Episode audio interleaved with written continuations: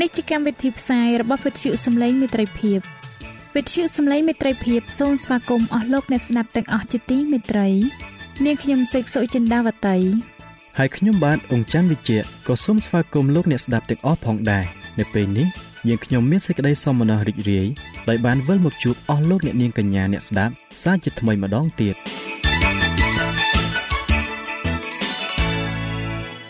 នាងខ្ញុំសេកសុចិន្តាវតី សូមជម្រាបជូនកម្មវិធីផ្សាយដែលមានជាបន្តបន្ទាប់ដូចតទៅនេតិបទទំនាយនិងប្រវត្តិសាស្ត្រនេតិស្ថាបនាកម្ពុជាឲ្យប្រសើរចា៎លោកអ្នកស្ដាប់ជាទីមេត្រី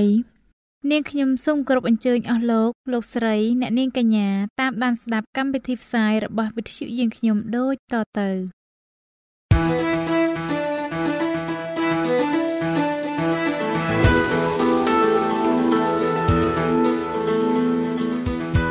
សូមជូននីតិបទទំនាយនិងប្រវត្តិសាស្ត្រ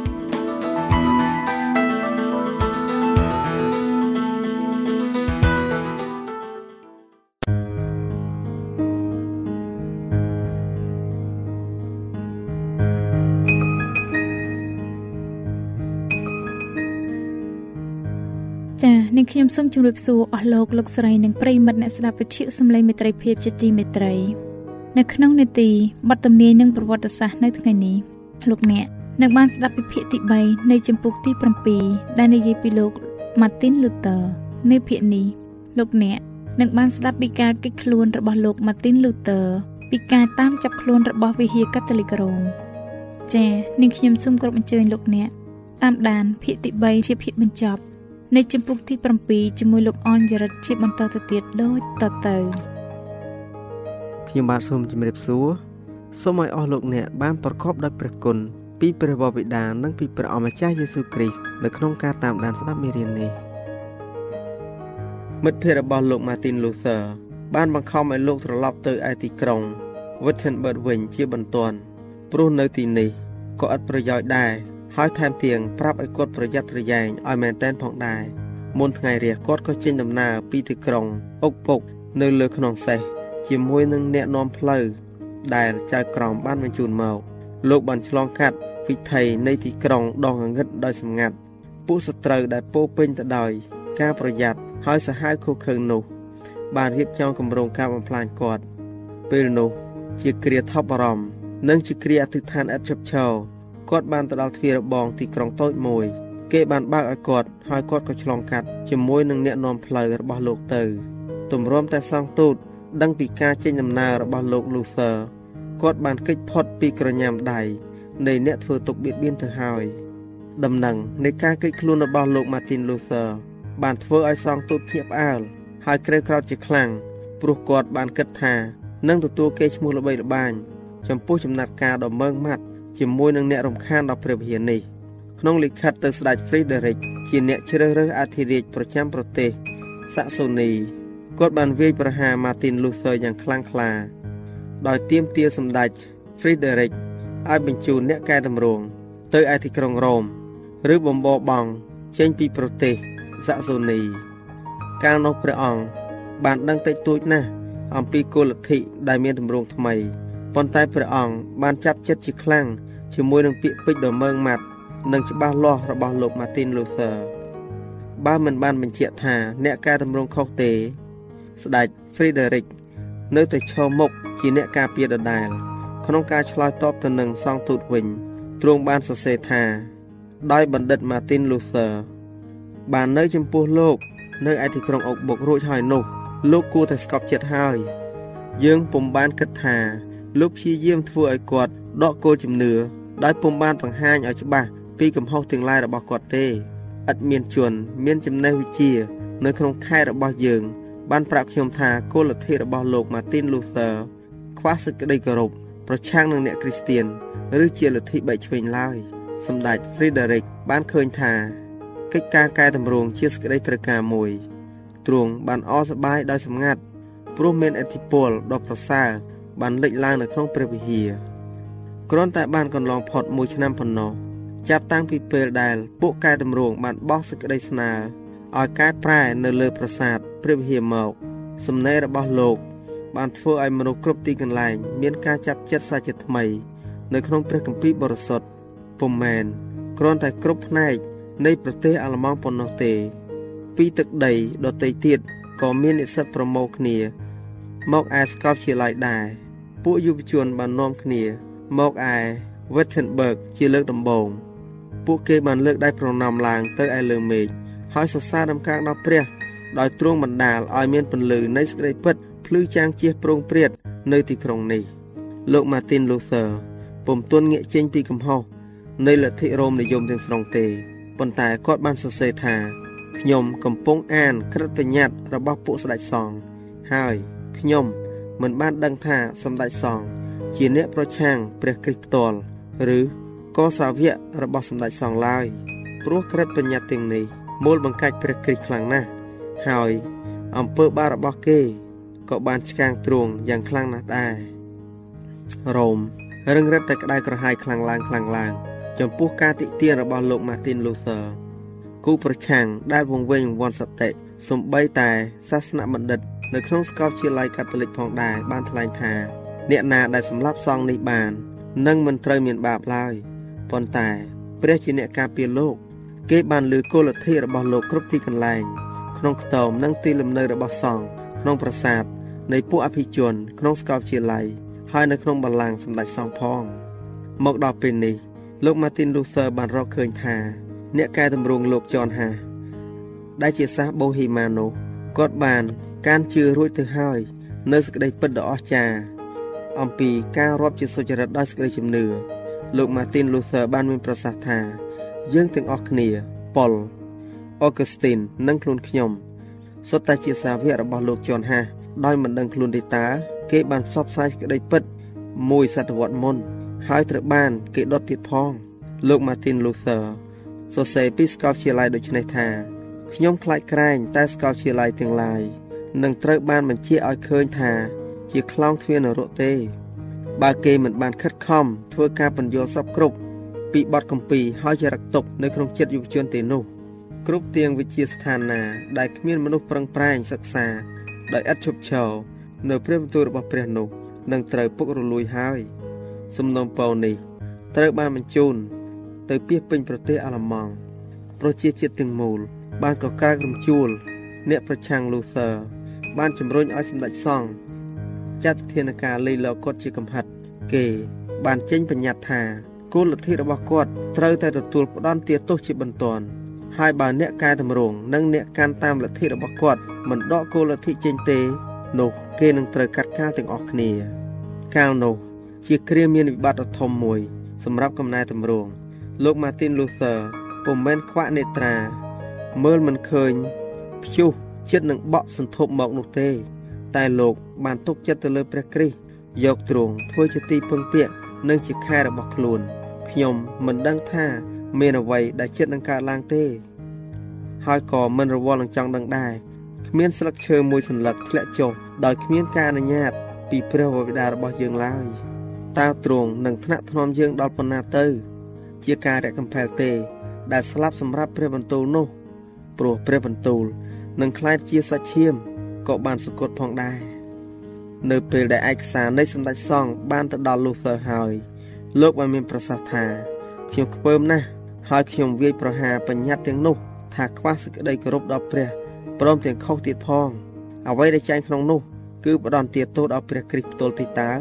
ឥឡូវនេះខ្ញុំមានសេរីភាពនៅក្នុងចិត្តជាពន់ពេកណាស់ទៅហើយ ពីព្រោះយ៉ាងហោចណាស់ខ្ញុំបានដឹងថាសម្ដេចសង្ឃជាអ្នកប្រឆាំងព្រះគ្រីស្ទហើយក៏ដឹងទៀតថាបល្ល័ង្ករបស់សង្ឃនោះ គឺជារបស់សាតាំងផ្ទាល់ប៉ុណ្ណឹងហើយបញ្ញត្តិរបស់រ៉ូមនៅតែមាន ប្រសិទ្ធភាពដដែល ជួនទួនខ្សោយ ហើយជឿជំនឿអកុសលញ័ររន្ធត់នៅចំពោះក្រិតក្រមនៃមហាសង្ឃរាជហើយភាកច្រើន មិនប្រថុយជីវិតគេទេតើកិច្ចការរបស់អ្នកកែតម្រង់ចិត្តចប់ហើយឬនៅលោក Martin Luther នៅតែឥតញញើតដដែល លោកបានតបស្នងដល់រ៉ូមវិញ នៅបណ្ដាសា ដោយអំណាចដ៏អស្ចារ្យ Luther បានដុតឯកសារដែលសម្ដេចសង្ឃបានបោះត្រា នៅមុខពលរដ្ឋគ្រប់ស្រទាប់វណ្ណៈគាត់បានមានប្រសាសន៍ថាការតស៊ូដ៏ខ្លាំងក្លាមួយទើបតែបានចាប់ផ្ដើមឡើង តាំងពីមុនមកដល់ពេលនេះខ្ញុំគ្រាន់តែប្រឡែងលេង ជាមួយសម្ដេចសង្ឃទេខ្ញុំ ចាប់បានធ្វើការនេះក្នុងនាមរបស់ព្រះ ហើយកិច្ចការនេះនឹងចប់ដោយគ្មានរូបខ្ញុំ តែដោយឥទ្ធិពលរបស់ព្រះវិញតើអ្នកណាមិនដឹងថា ព្រះបានជ្រើសរើសខ្ញុំ និងហៅខ្ញុំនោះ ហើយ បើគេមិនខ្លាចទេ ដោយស្អប់ខ្ញុំ នោះគេស្អប់ដល់ព្រះហើយ ព្រះពុំដែលជ្រើសរើសសម្ដេចសង្ឃឬមហាបរោះណាមួយឲ្យធ្វើជាហោរាទេប៉ុន្តែទ្រង់រើសមនុស្សសាមញ្ញរៀបទៀបជាមនុស្សដែលគេមើលងាយមើលថោកបែបដូចជាអ្នកកវិលជៀមឈ្មោះអេម៉ូសជាដើម នៅគ្រប់ចំនួនពួកបរិសុទ្ធត្រូវកែតម្រង់អ្នកធំ ពួកស្ដេចពួកព្រះអម្ចាស់ពួកសង្ឃពួកអ្នកប្រាជ្ញ ដោយឥតខ្លាចបាត់បង់ជីវិតឡើយខ្ញុំពុំមែននិយាយថាខ្ញុំជាហោរាទេប៉ុន្តែខ្ញុំនិយាយថា គេគួរតែកោតក្រែងលោកព្រះតាំងខ្ញុំមែនពីព្រោះខ្ញុំមានតែម្នាក់ឯងហើយគេមានគ្នាច្រើនខ្ញុំជឿច្បាស់ណាស់ថា ព្រះបន្ទូលរបស់ព្រះ គឺនៅជាមួយនឹងខ្ញុំពុំមែននៅជាមួយនឹងពួកគេទេ តែពុំមែនការតង្កឹះចិត្តនឹងខ្លួនគាត់តែប៉ុណ្ណោះទេ ដែលធ្វើឲ្យលោក Martin Luther សម្រេចចិត្ត ចាក់ចែងជាស្ថាពរពីព្រះវិហារនោះអោវាធ្វើឲ្យខ្ញុំឈឺចាប់នៅក្នុងចិត្តខ្លាំងណាស់តែខ្ញុំមានព្រះគម្ពីរនៅខាងខ្ញុំដើម្បីបញ្ជាក់ដល់ខ្លួនខ្ញុំថាខ្ញុំត្រូវតែហ៊ានតទល់នឹងសម្ដេចសង្ឃហើយបង្ហាញថាលោកជាអ្នកប្រឆាំងព្រះគ្រីស្ទតើប៉ុន្មានដងហើយដែលខ្ញុំសួរខ្លួនខ្ញុំដោយភាពជូរចត់នៅសំណួរដែលពួកកាតូលិករ៉ូមបានពោលជួបមាត់ម្ដងហើយម្ដងទៀតថាតើមានតែឯងម្នាក់ទេឬ ដែលមានប្រាជ្ញានោះតើអ្នកដតីខុសឬតើនឹងបានជាយ៉ាងណាទៅ បើនៅទីបំផុតឯងជាអ្នកខុសហើយជាអ្នកធ្វើឲ្យមនុស្សជាច្រើនជំពាក់ចំពិន នៅក្នុងកំហុសរបស់ឯងតើអ្នកណានឹងត្រូវធ្លាក់ទៅក្នុងនរកអស់កលជានិច្ចនោះយ៉ាងនេះឯងដែលខ្ញុំប្រយុទ្ធជាមួយនឹងខ្លួនខ្ញុំហើយជាមួយនឹងសាតាំងរហូតដល់ព្រះគ្រីស្ទបានមកហូមការពារខ្ញុំ ពីមន្ទិលសង្ស័យទាំងនេះ ដោយសារព្រះបន្ទូលដ៏មិនចេះខុសរបស់ទ្រង់ឯកសារថ្មីមួយទៀតបានលេចឡើង ថ្លែងពីការកាត់កាល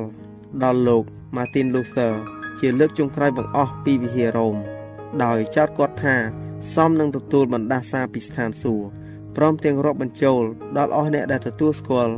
គោលលទ្ធិរបស់គាត់ក្នុងសេចក្តីបណ្ដាសាដដែលនោះផងដែរអស់អ្នកដែលព្រះគ្រីស្ទប្រើឲ្យផ្សាយសេចក្តីពិតទាំងប៉ុន្មាន ជាពិសេសសេចក្តីពិត ដែលត្រូវនឹងចំនួនគេនោះត្រូវទទួលការប្រឆាំងហើយ មានសេចក្តីពិតនៃបច្ចុប្បន្នកាលនៃចំនួនលោក Martin Luther ហើយក៏មានសេចក្តីពិតនៃបច្ចុប្បន្នកាលសម្រាប់ព្រះវិហារសពថ្ងៃនេះដែរប៉ុន្តែសពថ្ងៃនេះ មនុស្សភាគច្រើនពុំបានប្រាថ្នាចង់បានសេចក្តីពិត ជាជាងពួកកាតូលិករ៉ូមដែលប្រឆាំងនឹងលោក Martin Luther ទេអ្នកដែលសម្ដែងសេចក្តីពិត សម្រាប់សម័យនេះមិនត្រូវសង្ឃឹមថា គេនឹងទទួលជឿ ជាជាងពួកអ្នកកែតម្រង់ពីចំនួនដើមនោះឡើយមហាវិវាទរវាងសេចក្តីពិត និងសេចក្តីមិនពិត រវាងព្រះគ្រីស្ទនិងសាតាំងនឹងបានរឹងរិតទៅខ្លាំងឡើង ទៅកាន់ទីបញ្ចប់នៃប្រវត្តិសាស្ត្រនៃពិភពលោកនេះចា៎ដោយពេលវេលាមានកំណត់យើងខ្ញុំសូមអនុទីបទទំនាយនិងប្រវត្តិសាស្ត្រត្រឹមតែប៉ុណ្ណឹងសិនចុះដោយសន្យាថា នឹងលើកយកនៅទីនេះមកជម្រាបជូនជាបន្តទៀតនៅថ្ងៃអង្គារសប្តាហ៍ក្រោយ សូមអរគុណ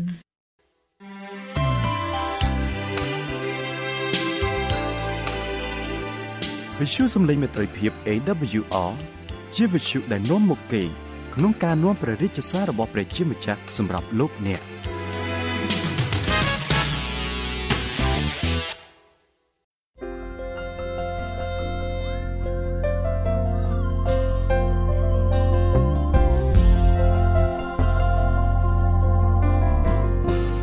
ចា៎នាងខ្ញុំសេសុចិនាវតីសូមជម្រាបសួរប្រិយមិត្តអ្នកស្ដាប់វិទ្យុសំឡេងមេត្រីភាពជាទីមេត្រី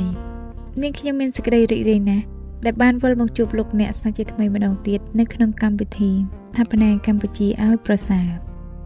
នៅថ្ងៃនេះនាងខ្ញុំសូមលើកយកមេរៀនទី5ដែលមានចំណងជើងថាមាសប្រាក់ប្រិយមិត្តអ្នកស្ដាប់ជាទីមេត្រីសូមបញ្ជាក់ថាមេរៀនរបស់យើងនេះមិននិយាយតែមាសប្រាក់តែមួយមុខប៉ុណ្ណោះទេ តែមេរៀននេះនឹងនិយាយអំពីមាសប្រាក់លុយកាក់ទ្រព្យសម្បត្តិផងដែរតើលុយគឺជាអ្វីតើមានលុយពិតជាទិញអ្វីៗបានទាំងអស់មែនទេតើលុយមានឥទ្ធិពលអ្វីខ្លះមកលើមនុស្សលោកសប្តាហ៍ថ្ងៃតើខ្លាចជាអ្នកមានស្ដុកស្ដំពិតជាខុសមែនដែរឬទេ តាមពិតមនុស្សនៅលើលោកយ៉ាងនេះនរណាក៏ស្គាល់លុយដែរលុយគឺជាកាក់ឬក្រដាសដែលមនុស្សប្រើប្រាស់ក្នុងការទិញរបស់របរប្រើប្រាស់ប្រចាំថ្ងៃ ឬសម្រាប់ធ្វើចំនួនតូចធំលុយដែលគេនិយមប្រើប្រាស់ជាងគេ គឺលុយដែលផលិតពីក្រដាសលុយគឺគ្រាន់តែជាកាក់ឬក្រដាសតែប៉ុណ្ណោះ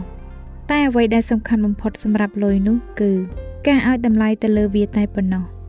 ដែលជាហេតុធ្វើឲ្យលុយមានឥទ្ធិពលយ៉ាងខ្លាំងមកលើជីវិតមនុស្សសពថ្ងៃលោកអ្នកស្ដាប់ជាទីមេត្រីលុយតែងផ្ដល់ទាំងផលវិជ្ជមានផង និងផលអវិជ្ជមានផង បើសិនលោកអ្នកមិនប្រើប្រាស់ឲ្យបានត្រឹមត្រូវនោះទេ អ្នកខ្លះយល់ថា មានលុយមានអ្វីអ្វីទាំងអស់ការយល់ឃើញបែបនេះមិនពិតទេតម្លៃនិងឥទ្ធិពលរបស់លុយក៏មានដែនកំណត់ដែរលុយទិញបានតែរបស់ណា ដែលវាអាចទិញបានតែប៉ុណ្ណោះលុយអាចទិញនាឡិកាបាន តែលុយមិនអាចទិញពេលវេលាឲ្យវិលថយក្រោយវិញបានទេលុយអាចទិញថ្នាំសម្រាប់ព្យាបាល តែលុយមិនអាចទិញសេចក្តីស្លាប់ឲ្យរស់ឡើងវិញឡើយ លុយអាចទិញផ្ទះធំស្កឹមស្កៃបាន តែលុយមិនអាចទិញសុភមង្គលដាក់ក្នុងផ្ទះនោះបានទេ អ្វីដែលលុយមិនអាចទិញបាន តែព្រះទ្រង់អាចធ្វើបានទាំងអស់ត្បិតការអ្វីដែលព្រះទ្រង់ធ្វើពុំបាននោះគ្មានសោះឡើយអស់លោកអ្នកស្ដាប់ជាទីមេត្រីហើយការដែលមានទ្រព្យសម្បត្តិស្រុកស្ដំអត់មានអ្វីខុសទាល់តែសោះទ្រព្យសម្បត្តិជាប្រពើមកអំពីព្រះដែលទ្រង់បានប្រទានឲ្យនៅពេលដែលលោកអ្នកខំធ្វើការដោយសេចក្តីសុចរិត លោកអាប់រ៉ាហាំលោកយោបលោកយ៉ាកុបនិងស្ដេចសាឡូមោនដែលជាអាយកោនៅក្នុងព្រះគម្ពីរសុទ្ធសឹងតែមានទ្រព្យសម្បត្តិស្ដុកស្ដម្ភតែអ្វីដែលខុសនោះគឺមិនព្រមចែករំលែកទ្រព្យសម្បត្តិរបស់ខ្លួន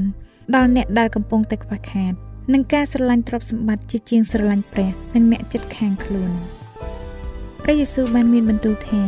កុំឲ្យប្រមូលទ្រព្យសម្បត្តិទុកសម្រាប់ខ្លួននៅលើផែនដី ជាកន្លែងដែលមានកន្លាតនិងច្រេះស៊ីបំផ្លាញហើយចោលទម្លុះប្លន់នោះឡើយ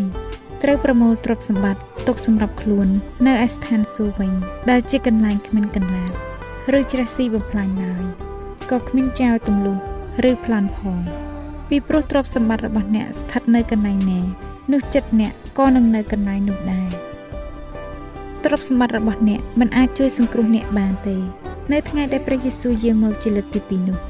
ដូច្នេះលោកអ្នកពិតជាអាចបែងចែកចំណុចវិជ្ជមាននិងចំណុចអវិជ្ជមាននៃលុយកាក់បានហើយខាងក្រោមនេះគឺជាការដកស្រង់មួយចំនួនដែលតកតងទៅនឹងមាសប្រាក់ប្រាក់ជាអ្នកបម្រើដ៏ល្អឯកប៉ុន្តែវាជាចវាយដ៏អាក្រក់វិញប្រាក់នាំឲ្យមានការពុករលួយបើមានលុយកាន់តែច្រើននោះការពុករលួយក៏ច្រើនដែរ ព្រះគម្ពីរធីម៉ូថេទី1ចំពុក6ខ10បានចែងថា ការស្រឡាញ់ទឹកប្រាក់នោះ គឺជាឫសគល់នៃគ្រប់ទាំងអំពើអាក្រក់ទ្រព្យសម្បត្តិត្រូវតែផ្ដល់ជួយគ្នាទៅវិញទៅមក ការដែលយើងឲ្យ វាធ្វើឲ្យយើងខ្លាចជាអ្នកមាន មិនមែនអ្វីដែលយើងទទួលបាននោះទេរីឯព្រះគម្ពីរសុភាសិតចំពុក11ខ24បានចែងថាមនុស្សម្នាក់ឲ្យទានដោយឥតសំចៃដៃតែគាត់រឹតតែបានចម្រើនឡើង មនុស្សម្នាក់ទៀតកំណាញ់ក្រៅតម្រា ហើយគេចេះតែខ្វះខាតទៅ មនុស្សភាគច្រើនអាចទ្រាំទ្រនឹងភាពលំបាកតោកយ៉ាបានប៉ុន្តែចរិតរបស់គេនឹងទទួលការលបងមែនទែននៅពេលដែលគេខ្លាយជាអ្នកមានអស់លោកអ្នកស្ដាប់ជាទីមេត្រីលោកអ្នកពិតជានៅចាំបានអំពីស្ដេចសាឡូមោននៅក្នុងមេរៀនទី1របស់យើងតើអ្វីកើតដល់ស្ដេចសាឡូមោនព្រះអង្គបានក្លាយជាអ្នកមានក្រៃលែងជារៀងរាល់ឆ្នាំ កប៉ាល់ចំនួនរបស់ព្រះអង្គបានដឹកជញ្ជូនចូលនឹងមាសនិងប្រាក់រាប់សិបតោនទ្រង់មើលទៅមាសសម្បូរដូចជាដុំថ្មនៅទីក្រុងយេរូសាឡឹមដូចនេះដែរព្រះអង្គបាននាំចូលនៅរបស់ប្លែកប្លែកពីទ្វីបអឺរ៉ុបដូចជាសត្វស្វាធំធំនិងភ្លុករួមទាំងសេះចំនួន12000និងរទេះផងទ្រង់បានសាងព្រះវិហារដ៏ល្អសម្បើមថ្វាយដល់ព្រះ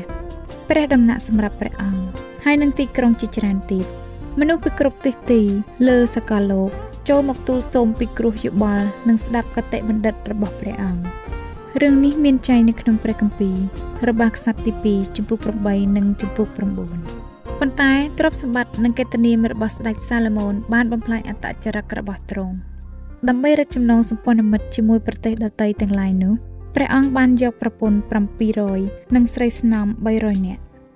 ហើយគេបាននាំឲ្យព្រះអង្គភ្លេចព្រះនៃនគរស្ថានសួគ៌ជំនួសការគ្រប់គ្រងដែលប្រកបដោយមេត្តាធម៌ព្រះអង្គបានក្លាយពីស្ដេចសប្បុរសទៅជាអ្នកប្រើអំណាចផ្ដាច់ការដ៏សាហាវ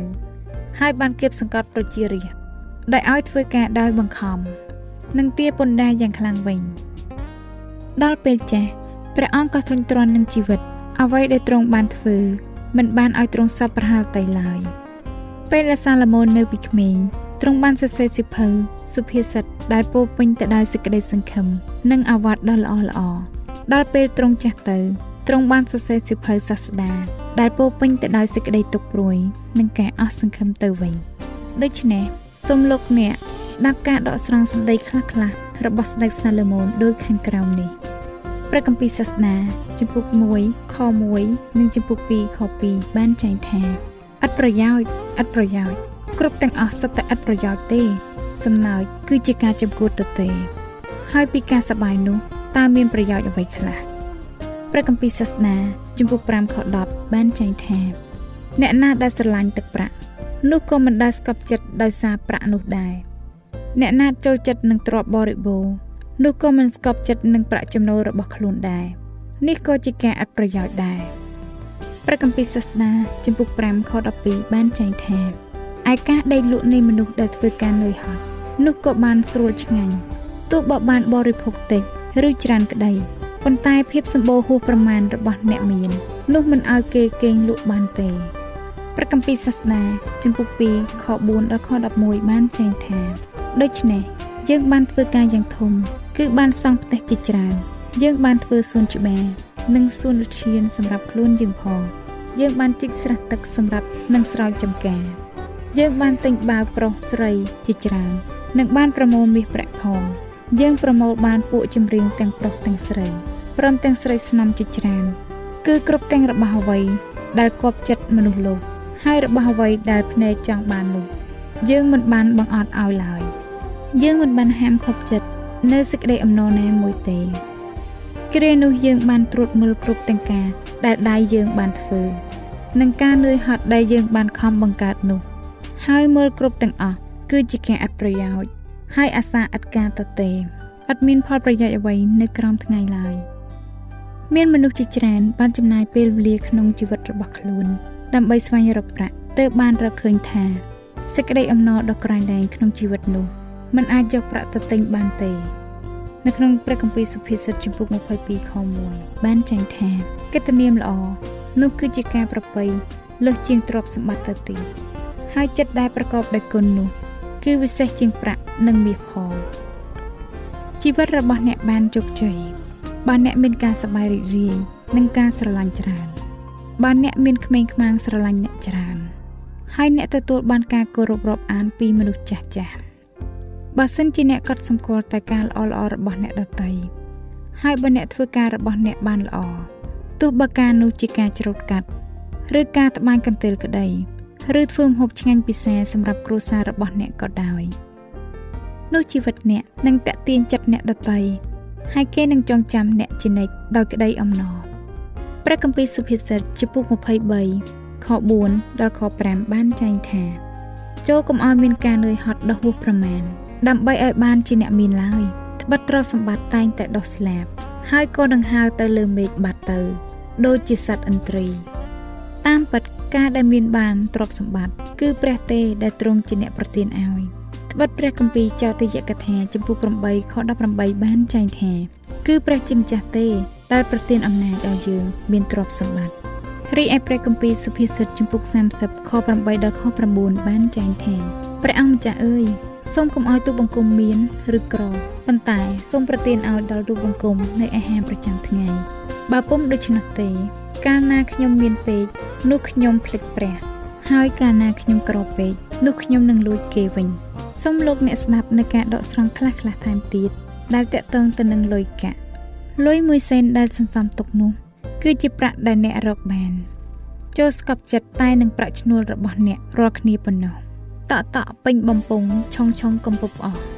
ប្រកាសបន្តិចបន្តួចដែលមនុស្សភាកច្រើនចាយខ្ជះខ្ជាយប្រសិនបើគេប្រើប្រាស់ត្រឹមត្រូវនោះ នឹងអាចឲ្យគេធូធាហើយឈប់ពឹងពាក់អ្នកដតីបានទ្របគង់ត្បិតស្រីចេះសន្សំទុកផ្ទះនៅស្រណុកត្បិតលាក់ជាស្រីចូលចាយលុយតិចជាងអ្នករកបាននោះអ្នកនឹងមានប្រាក់ពេញហៅប៉ៅ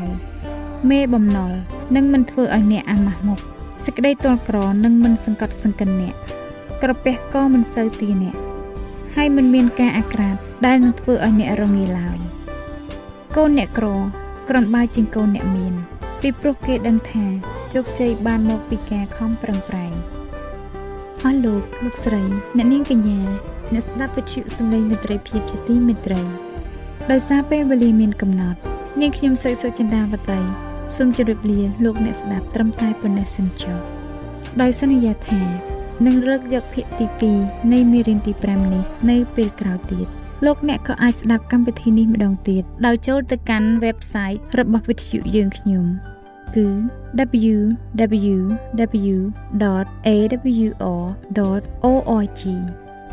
សូមឲ្យលោកអ្នកបានចម្រើនឡើងក្នុងព្រះគុណ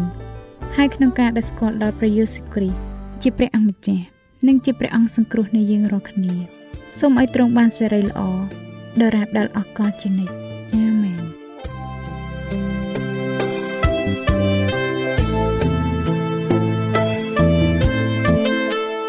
បើសិនជាលោកអ្នកមានសំណួរ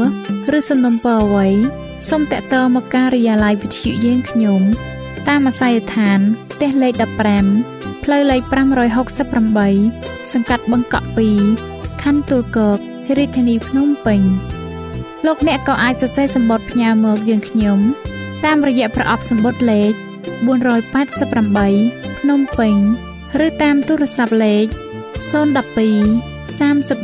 34 96 64ឬ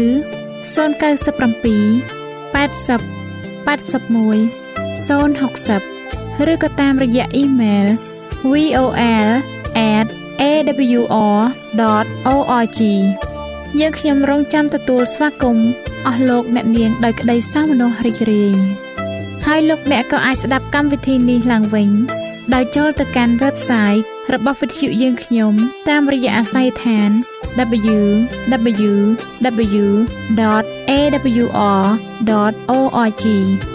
លោកអ្នកនាងកញ្ញាជាទីមេត្រី កម្មវិធីផ្សាយរបស់វិទ្យុសំឡេងមេត្រីភាពនៅពេលនេះសូមបញ្ចប់តែប៉ុណ្ណេះយើងខ្ញុំសូមអរគុណចំពោះការតាមដានស្ដាប់របស់អស់លោកអ្នកតាំងពីដើមរហូតដល់ចប់